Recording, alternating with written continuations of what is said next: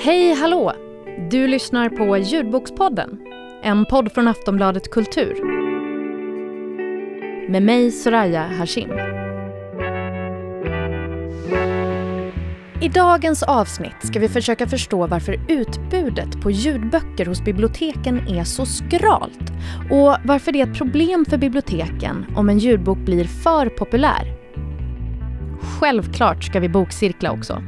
Den här gången har jag med mig Aftonbladet Kulturs Anna Andersson och politikkingen Lena Melin. Vi har läst före detta riksdagsledamoten Veronica Palms roman, en thriller som utspelar sig i riksdagsmiljö. Inte alla män. Josefins liv är med en man som älskar henne och som gör henne illa. De få gånger hon tillåter sig att tänka tanken hela vägen blir det nästan kortslutning i hjärnan. Hon är ju inte en sån, en misshandlad kvinna.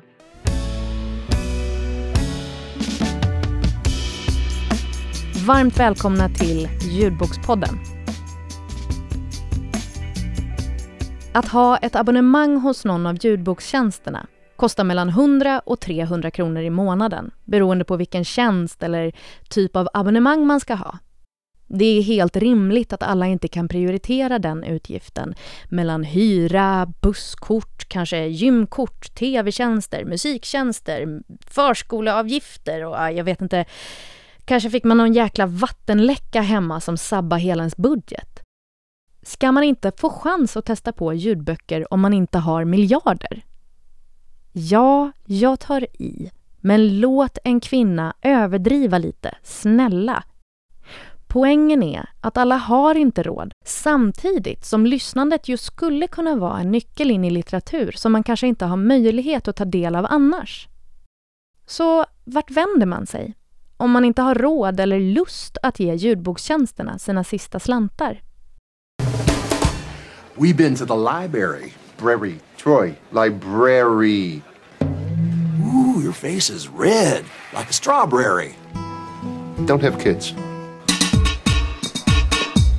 Ja, biblioteket såklart. Och där finns två alternativ. Den gamla hederliga CD-skivan för de som har kvar en CD-spelare. Grattis ni! Eller, precis som hos ljudboktjänsterna, genom en digital ljudfil. Och då kan du antingen lyssna i deras webbläsare eller via bibliotekets app som heter Biblio, där du också kan lyssna offline. Fördelen? Det är helt himla gratis. Allt du behöver är ett lånekort. Nackdelen? Utbudet. Om man tittar på ljudböcker på CD-skiva på Stockholmsbiblioteken så finns det 15 titlar som släpptes 2021 för vuxna. 15 stycken i jämförelse med 2500 titlar i tryckt bok. Nej, det är inte särskilt många. Men håll i dig, för det blir värre. Om vi går över till de strömmade ljudböckerna alltså det som biblioteket kallar för e-ljudböcker, så har det inte köpts in nya titlar sedan 2019. Och det året så köptes bara fyra titlar in. Jag ringde min kompis Gustav för att snacka lite om det här. Hur är det med dig? Jo, men det är bra. Jag har eh, nästan lugnat ner mig efter eh, min upprördhet över Eurovision-segrare. Ja, nej men alltså det var ju förfärligt. Jag heter Gustav Almestad. Jag är bibliotekarie på Farsta bibliotek och Sköndals bibliotek eh, i Stockholms stad. När Gustav ska hjälpa låntagarna att hitta e-ljudböcker via systemet så ser han just det jag såg när jag gick in på deras sajt. Att det saknas väldigt många titlar. Det är ju tråkigt när det är en kommersiell inläsning som man vet existerar eh, och som går att köpa eller få tag i på streamingtjänster men som är helt frånvarande på biblioteket. Eh, och eh, jag kan ju bara liksom svara för hur det ser ut i Stockholm generellt eh, om man ska se till min professionella erfarenhet men jag har också med lite snabb kik efter att jag har blivit intresserad av den här frågan sett att det är många andra bibliotek i de större städerna i Sverige som, som inte heller har. Varför är det här ett problem? Eh, ja, om man ser till hur läsningen ser ut och att ljudboksläsningen ökar så mycket i samhället så tycker jag att det blir ett problem eh, att biblioteken sackar efter så mycket.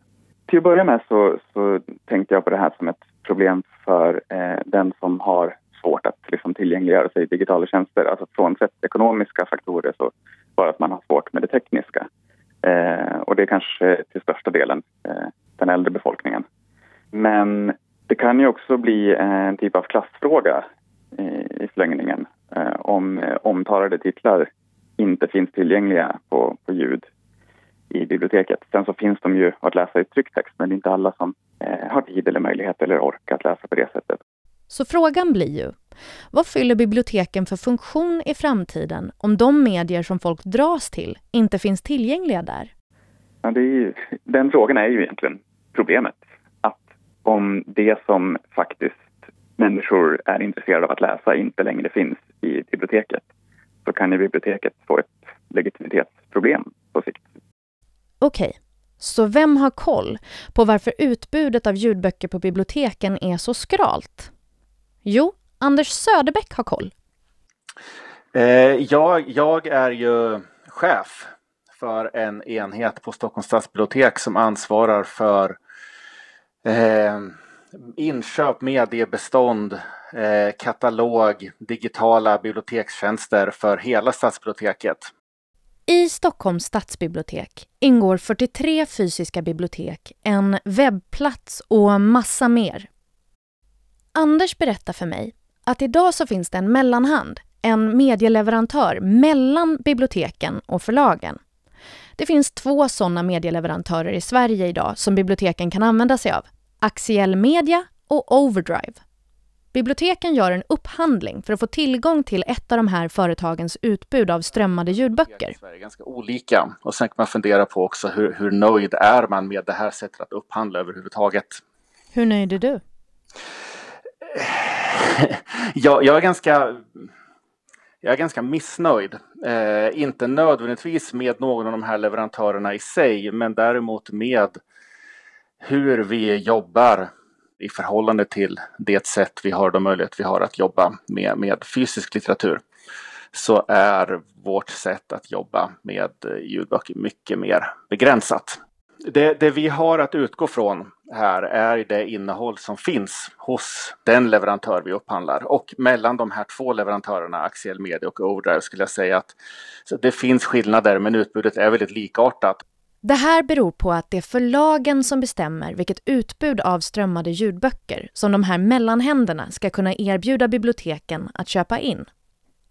Emily Holbox är försäljningsansvarig för Bonnierförlagens digitala böcker. Alltså Bonnier som också äger ljudbokstjänsten Bookbeat. Jag frågade henne vad de tycker att biblioteken ska ha för roll i samhället. Det är en mötesplats för litteraturen och liksom spridandet av litteratur eh, och läsning för, för alla. Och det tycker vi såklart är en jätteviktig arena liksom, där, där vi såklart eh, ser också att de kan kan lyfta också en bredd, tänker jag, i ett demokratiskt samhälle. Eh, där man också kanske inte har alltid den här liksom topplistefokuseringen utan man kanske möter världar, man kanske möter författarskap som man annars liksom aldrig hade, hade tagit del av. Eh, så att ja, nyckelroll verkligen. Tänker du att det är viktigt att biblioteken också kan tillhandahålla ljudböcker för sina låntagare utöver den tryckta litteraturen? Ja men absolut och jag tycker att det är viktigt att de kan tillhandahålla böcker primärt. Det är ju så vi ser på det och sen så kanske man inte alltid eh, har alla format tillgängliga. Men, men finns det någonsin något tillfälle när ni som förlag väljer att inte alls tillgängliggöra någon särskild titel för biblioteken när det kommer till just ljudbokssidan? Men det här hänger ju samman lite med, med ersättningsmodeller och så vidare och där behöver vi också värna bakåt i ledet eh, kring våra författares ersättningar. Mm. Eh, och det är just där vi behöver hitta ett upplägg som funkar för oss. Så, som sagt, vi prövar oss fram, vi försöker hitta modeller men det kan vara svårt att hitta en generell rak modell som funkar för all eh, utgivning. Men där tänker jag också att man kommer testa sig ännu mer fram. För det är ju någonting man märker också att här, när efterfrågan kommer så eh, tittar man ju hela tiden på hur man kan skriva, skruva på tillgängligheten. Eh, och vi försöker ju verkligen att liksom se eh, hur kan vi jobba med digital utlåning? Vad finns det för möjligheter? Och hur kan man tillgängliggöra saker framåt? När biblioteken väl har valt ut vilka ljudböcker de ska ha utifrån utbudet som förlagen har tillgängliggjort via de här medieleverantörerna så betalar de för dem i efterhand beroende på hur många gånger just de ljudböckerna har lånats. Och vissa böcker, särskilt de populära titlarna, kostar naturligtvis mer att låna ut. Vi går tillbaka till Anders Söderbäck på Stockholms stadsbibliotek. Så de flesta bibliotek sätter en gräns på runt 20 kronor per lån för vad man tar in eller inte och en ny populär bok kan nog kosta åtminstone 40 kronor. Och i och med att det är en bok som är populär, nyutgiven, många som vill läsa den här, så kommer den också lånas ut väldigt mycket mer. Så att det finns en dubbel effekt av både dyrare per lån och att mängden lån gör den ännu dyrare. Sen är det möjligt, det är ingenting Stockholms stadsbibliotek har gjort, utan där jobbar man på olika sätt, men att också sätta en gräns, att den här boken tar vi in, men den kan lånas ut upp till en kostnad på, säg 5 eller 10 000 kronor och sen försvinner den ur bibliotekets bestånd. Så då gör det att eh, den som vill låna boken, alltså låntagaren helt enkelt, eh, måste vara snabb på knappen. Man måste vara tidigt in så att man hinner ta det lånet. Precis, Eh, och det är också svårt då att, att förklara på ett pedagogiskt sätt för en låntagare att det här är, eh, den här boken fanns i förra veckan men nu finns den inte längre. Det beror på att den blev för dyr att ha kvar. Det, det är svårt att jobba pedagogiskt och vettigt med en utveckling av bra tjänster eh, när man jobbar utifrån de förhållandena. Samtidigt är det ju liksom fullt begripligt att eh, förlagen och författarna också behöver ha intäkter på de böcker man producerar och säljer. Eh, så att det är inte en helt lätt ekvation att lösa. Det är alltså ett problem för biblioteken om en ljudbok blir för populär. Det kan innebära en stor kostnad i efterhand. Samma betalningsmodell gäller för e-böcker.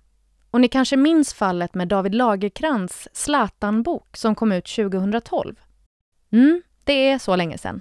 Den e-boken lånades ut över 13 000 gånger på bara ett par månader och det ledde till att biblioteken fick en nota på över en kvarts miljon kronor. Därför har biblioteken i Stockholms stad vikt en särskild del av sin budget för just e-medier. Hela 50 procent.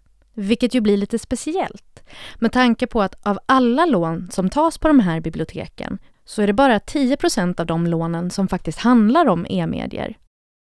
Vi har inte velat sätta en gräns som gör att, att böcker försvinner. Så att vi har ju då liksom jobbat utifrån en prognos, anpassat också inköpen av fysiska böcker utifrån var vi ser att kostnaden för elektroniska medier kommer att landa. Men hur menar du då? Att ni begränsar vilka eller hur mycket av tryckta böcker ni kan köpa in därför att ni måste liksom spara till e-medierna? Ja, vi får göra en, en avvägning.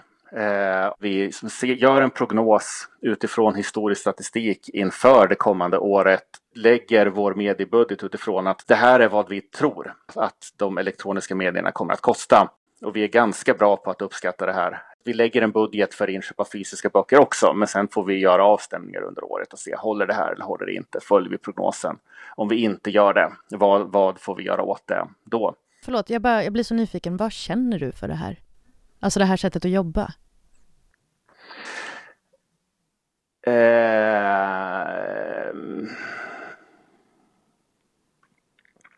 det är en bra fråga. Jag, en del av mig tycker att hela den här frågan är jättespännande, jätteintressant att se. Eh, vad kan vi göra? Var kommer vi att eh, landa? Vad händer med, med framförallt ljudböcker som jag tror de påverkar hela liksom, det litterära ekosystemet ännu mer än vad, vad e-böckerna har gjort. Vad kommer det att innebära på några års sikt? Eh, men det är också väldigt mycket här som är frustrerande. Skulle vi göra ett bra jobb, skulle vi verkligen, vilket vi, vi borde göra om vi ser att en stor del av läsandet i Sverige handlar nu om att eh, läsa ljudböcker då är det någonting som borde synas väldigt mycket i hur vi jobbar som bibliotek. Hur, hur liksom jobbar vi med ljudböcker i biblioteksverksamheten? Eh, men ju bättre jobb vi gör med ljudböcker, desto större kommer också kostnaderna att bli. Och det gör ju att skulle vi göra ett riktigt bra jobb, jobba liksom jättebra läsfrämjande med ljudböcker, då spräcker vi hela vår budget eh, totalt. Och det eh, går ju inte. Så någonstans så, så vill man inte heller att det ska gå för bra för ljudböckerna man köper in? Eh, det låter ju bisarrt när du säger det så. Eh, men det gör ju också att det är eh, svårt att, att välja in, jobba med ljudböcker. Om vi tittar på, jag vill säga Storytel eller någon annan digital abonnemangstjänst så ökar ju deras intäkter i takt med att användningen ökar för att man får fler prenumeranter. Får vi fler eh, ljudbokslåntagare då ökar våra kostnader men intäkterna ligger kvar där de låg. Eh, och det är en jag tycker att det här är en jätteintressant paradox att jobba med, men, men jag, jag vet inte var det här landar och det ger mig ganska kluvna känslor. Jag förstår det. Hur, hur tycker du att det här, den här paradoxen någonstans klingar med bibliotekens uppdrag att kunna erbjuda ett så brett utbud som möjligt? Eh, där går det ju inte ihop. Och där är det jättetydligt, både utifrån den ekonomiska aspekten och utifrån vilket bestånd som finns tillgängligt. Eh, som ljudböcker via de aggregatorer vi upphandlar och den infrastruktur vi har idag. Eh, att vi, vi kan inte erbjuda allt som finns.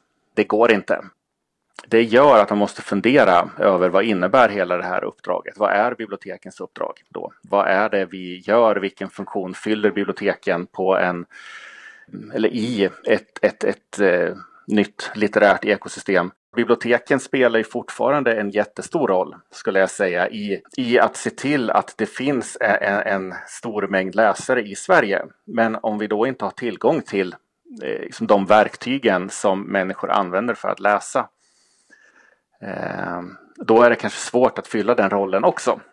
För kom ihåg nu att ju mer pengar av budgeten som man måste låsa till eventuella utlån av ljudböcker, desto mindre pengar finns det såklart att köpa in nya tryckta böcker. Och det påverkar ju också biblioteken och låntagarna. Det påverkar bredden av böckerna och såklart så betyder det ju också att det blir längre köer på populära titlar. Nej, det får jättetydliga effekter att inte kunna köpa in böcker.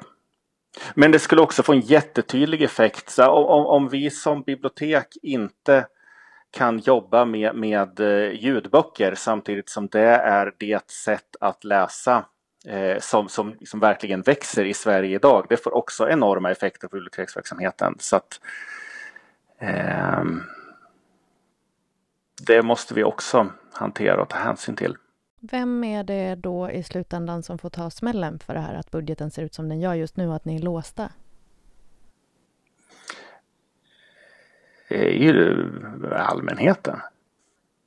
Förlorarna är, är de som eh, inte hänger med i teknikutvecklingen, eh, inte har pengar att betala för nya tjänster, Eh, Eh, nyanlända som vill ha tillgång till litteratur på, på andra språk eh, än svenska, annat än svensk bestsellerlitteratur. Eh, där är förlorarna. Vinnarna är de som har pengar, som hänger med i teknikutvecklingen, som inte behöver gå till biblioteket från början utan kan köpa det de vill ha. Så att ja, vinnarna är väl vinnarna i samhället överhuvudtaget. Det finns liksom en tydlig förstärkning av, av de klyftor eller skillnader som redan finns.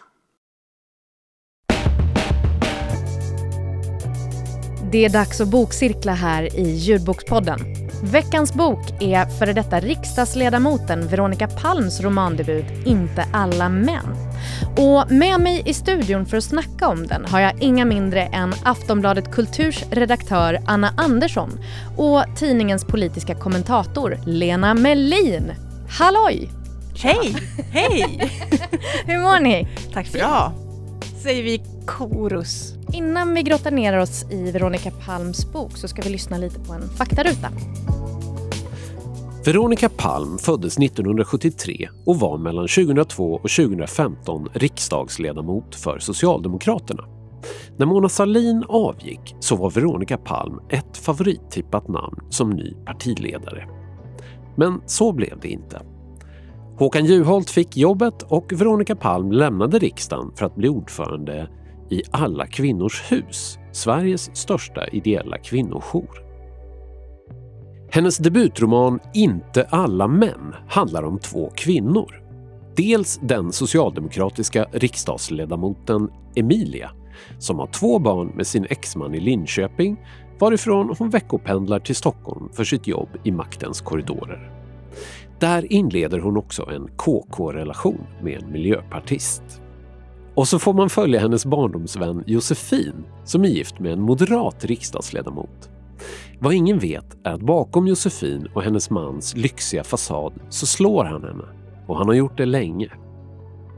Emilia och Josefin har inte längre någon kontakt, men en dag möts de av en slump och Emilia ser att Josefin har ett blåmärke hon försökt sminka över. Inte alla män är nio och en halv timme lång och inläst av Maria Lyckov. Hörni, en thriller i riksdagsmiljö. Håller det? Det är en bra idé tycker jag. Mm.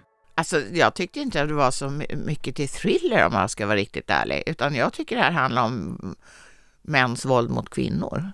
Mm. Och nästan pedagogisk sån inriktning, trots den skönlitterära formen. Mm, ja, det är sant, det är inte mycket thriller i riksdagens korridorer. Det hade, det hade kunnat bli mer av det, men det blev det inte.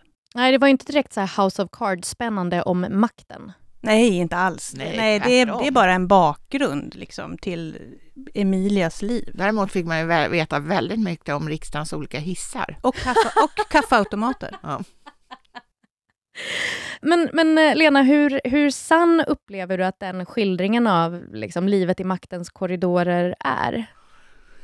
Nej, men det var väl en eh, i och för sig ganska ytlig men ändå korrekt beskrivning skulle jag vilja säga. Och det, det handlar ju om de här mötena som man har och eh, hur viktigt det är att man ser proper ut när man går på, på utskottssammanträden och eh, att man kan rusa förbi varandra i bankhallen och sånt där. Så det, det tyckte jag var adekvat, men jag tyckte inte att det var huvudfokus i boken. Nej, nej men det var det ju inte. Hon, hon poängterar också i början av boken att alla eventuella likheter som hennes karaktärer har med verkliga personer är tillfälligheter. Vilket ju alltid någonstans, för mig i alla fall, ger en liten krydda att man tänker åh, det är det nog inte alls. eh, var det någon karaktär som, som eh, ni tänkte, undrar om inte den här personen har inspirerat?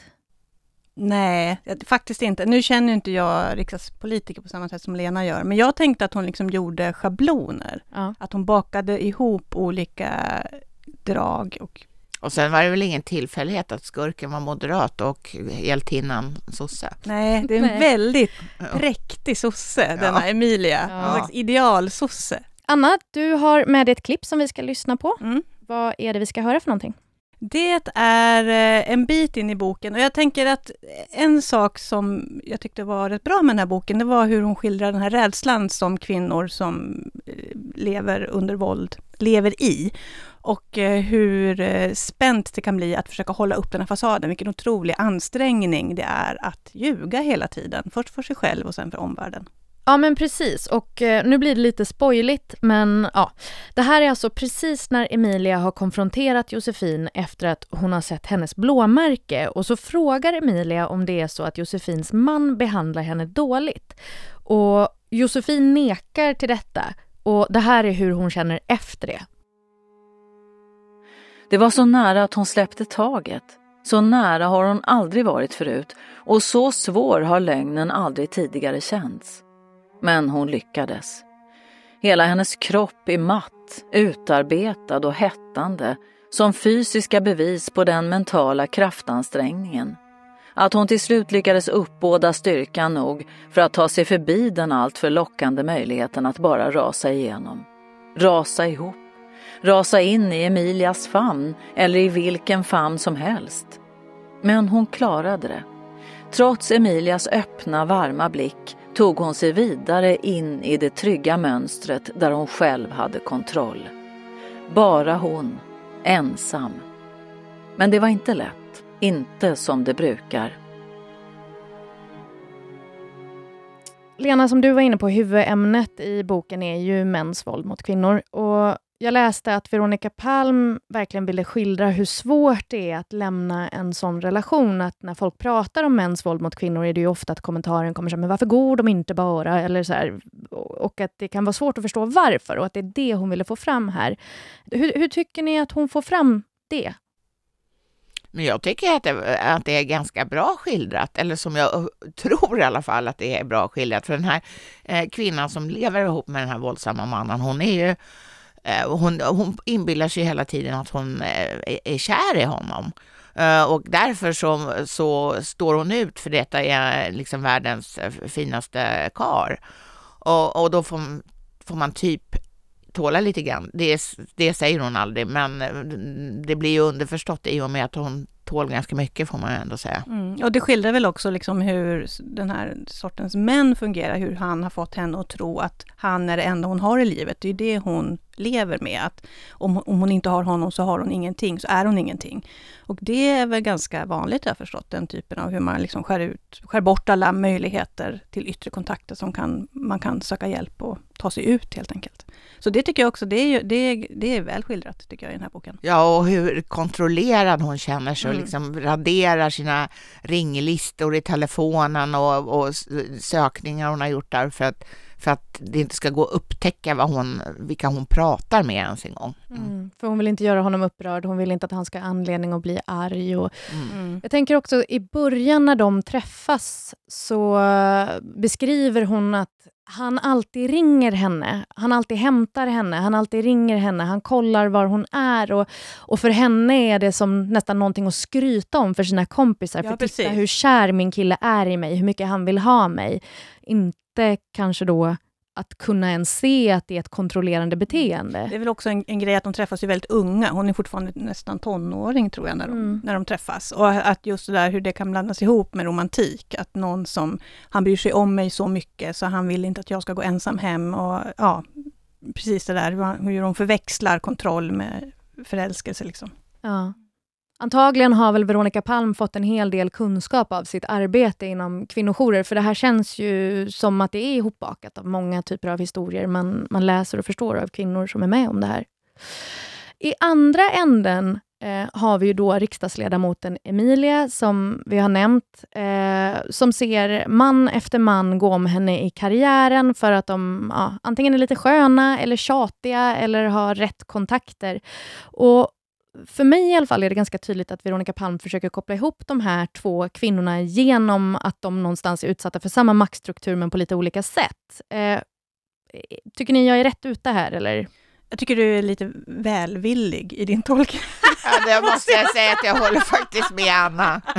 Säg vad ni känner. Ja, nej, alltså jag tyckte alltså, att det är det hon försöker det, alltså, göra. Tyckte, liksom. alltså absolut, jag förstår det här med, med, med karriären och eh, det är väl också roligt lite, jag vet inte, här vet Lena med, men liksom det här insiderspelet i, inom partierna.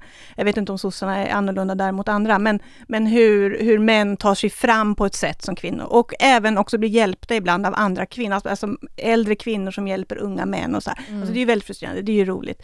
Men annars så tyckte jag att det var en väldigt, alltså Emilia tar alldeles för mycket plats i den här boken. Mm. Så intressant är hon aldrig, Nej. faktiskt. Och inte heller liksom hennes eh, så här, trök med barnen, som ska de få äta socker, ska de få titta på skärm, hennes dumma exman, eh, sitta och vänta på sms som aldrig kommer. Det är liksom kapitel efter kapitel. hon har en snäll eh, svärmor i alla fall. Ja, hon är en jättesnäll svärmor. Ja, nej, men det kan man väl också säga, alltså, det är ju ingen reklam för män, den här boken. Medan kvinnor är ganska bra.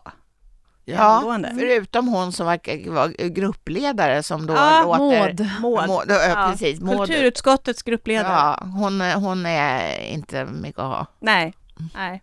Men det känns ju också, jag tycker ändå det känns som att man har ju träffat alla de här personerna. Ja men de är ju arketyper, alltså ja. sagt vad det känns, hon har ju skapat verkligen schabloner och de, de blir ju inte så mycket mer än schabloner tyvärr. Nej. Alltså, jag, man, precis som du säger, man förstår ju vad hon vill berätta, men det blir ju inte så väldigt levande, det blir det inte. Och också precis som att liksom väldigt tydliga kvinnor och väldigt tydliga män, så liksom hennes klassblick är ju också väldigt schabloning får man väl säga. Överklassen är dum, arbetarklassen är rejäl och ja, Ja. så är det kan man väl säga. Och, och miljöpartister ringer inte tillbaka när man har legat. Nej. Nej. Nej, de, är, de framställs ju som lite opolitliga överhuvudtaget. På alla sätt. Ja. Var det något parti hon inte tog upp? Liberalerna och Centern fick inte vara med så mycket. Nej. Nej. Sverigedemokraterna var ju tydligt vad Sverigedemokraterna hon tyckte om. förbi någon gång. Ja, nej. Ehm, vad jag vet så finns inget kontrakt på fler böcker om karaktären Emilia, även om eh, det känns upplagt för att det skulle kunna bli det. Och jag såg att Veronica Palm i en intervju sa att hon vill skriva fler böcker om Emilia. Men vill ni det? Nej, det vill jag inte. Däremot, alltså, för jag tycker att boken har sån obalans. Alltså någonstans, det blev ändå ett- snopet slut. Man Mm. hade velat ha, man hade velat veta vad som hände sen. Fast då hade man kunnat kapa ganska mycket i början av boken och fått med det i den här boken, Mm. måste jag säga. Ja, det var ju- eh, Nu vill jag inte spo- spoila det, men det, blir, det är väldigt abrupt slut Ja. väldigt konstigt på något sätt. Mm. Men, men ja, jag känner också att jag kanske tror att det går ganska bra för Emilia, så därmed blir hon ointressant, hennes framtid. Mm. Hon var ju väldigt rek och rejäl Ja. rakt igenom. Liksom.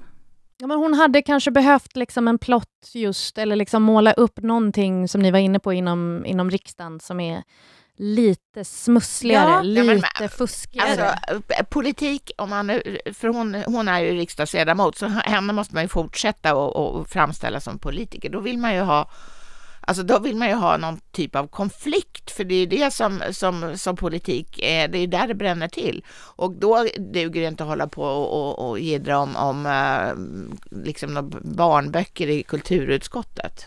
Nej. Vad är det hon behöver slåss för då? Ja, men hon behöver ju slåss för någonting där hon får motstånd. LAS. Och, eh, där det blir eh, liksom, eh, där, där, där det blir konflikt på riktigt och där man utsätts för nid, nidteckningar och, och spe på sociala medier och vad det nu kan vara. Och då ska ju hon slå tillbaka då på något sätt och vinna, om, om man ska göra en politisk thriller av det hela. Mm. Alltså jag tror ju att Veronica Palm, hon är ju väldigt intresserad av, av den här typen av frågor, alltså jämställdhet eh, och, och, och, och, och ah, därmed förknippade ämnen.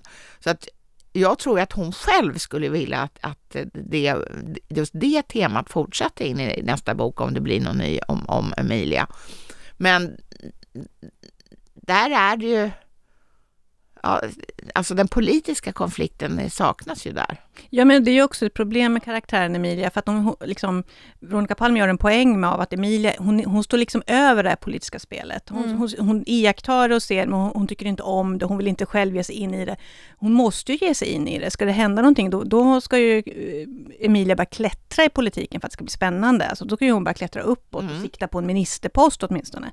Här sitter ju sossarna i opposition, ska vi tillägga i den här boken. Men, men liksom, då måste hon ju ta av sig handskarna och ge sig in i det politiska spelet för att det ska bli roligt. Det tror jag.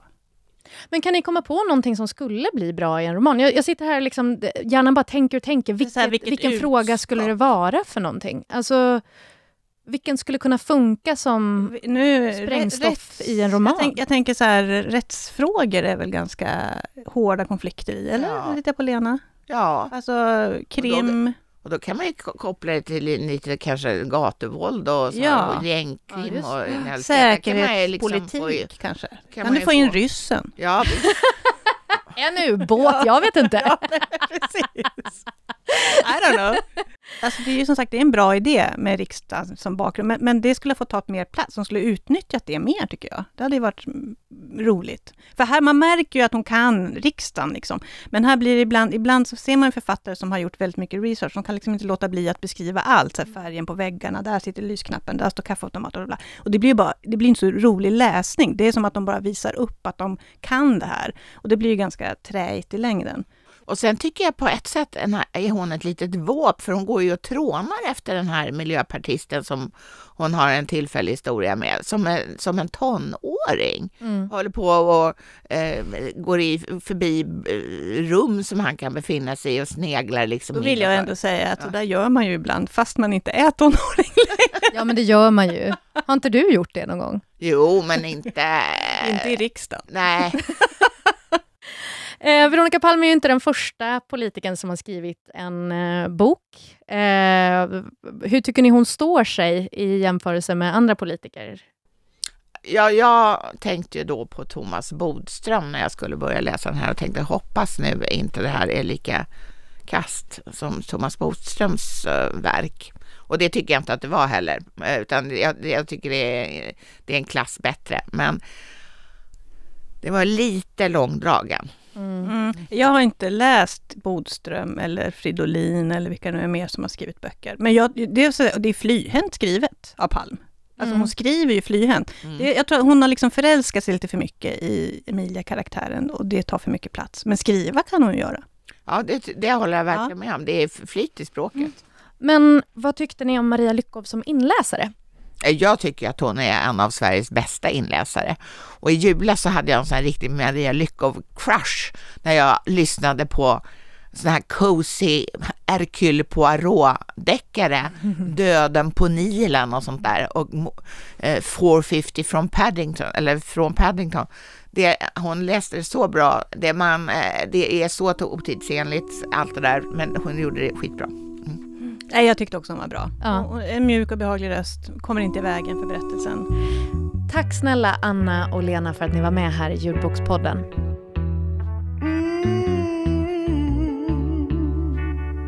Ljudbokspodden är slut för idag och vi som har gjort programmet är producent Martin Ågård. Panelen bestod av Lena Melin och Anna Andersson och jag heter Soraya Hashim. Ljudbokspodden är en produktion från Aftonbladet Kultur.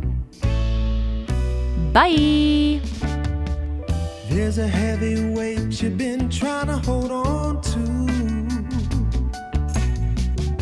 But you can lay it all down Du har lyssnat på en podcast från Aftonbladet. Ansvarig utgivare är Lena K Samuelsson.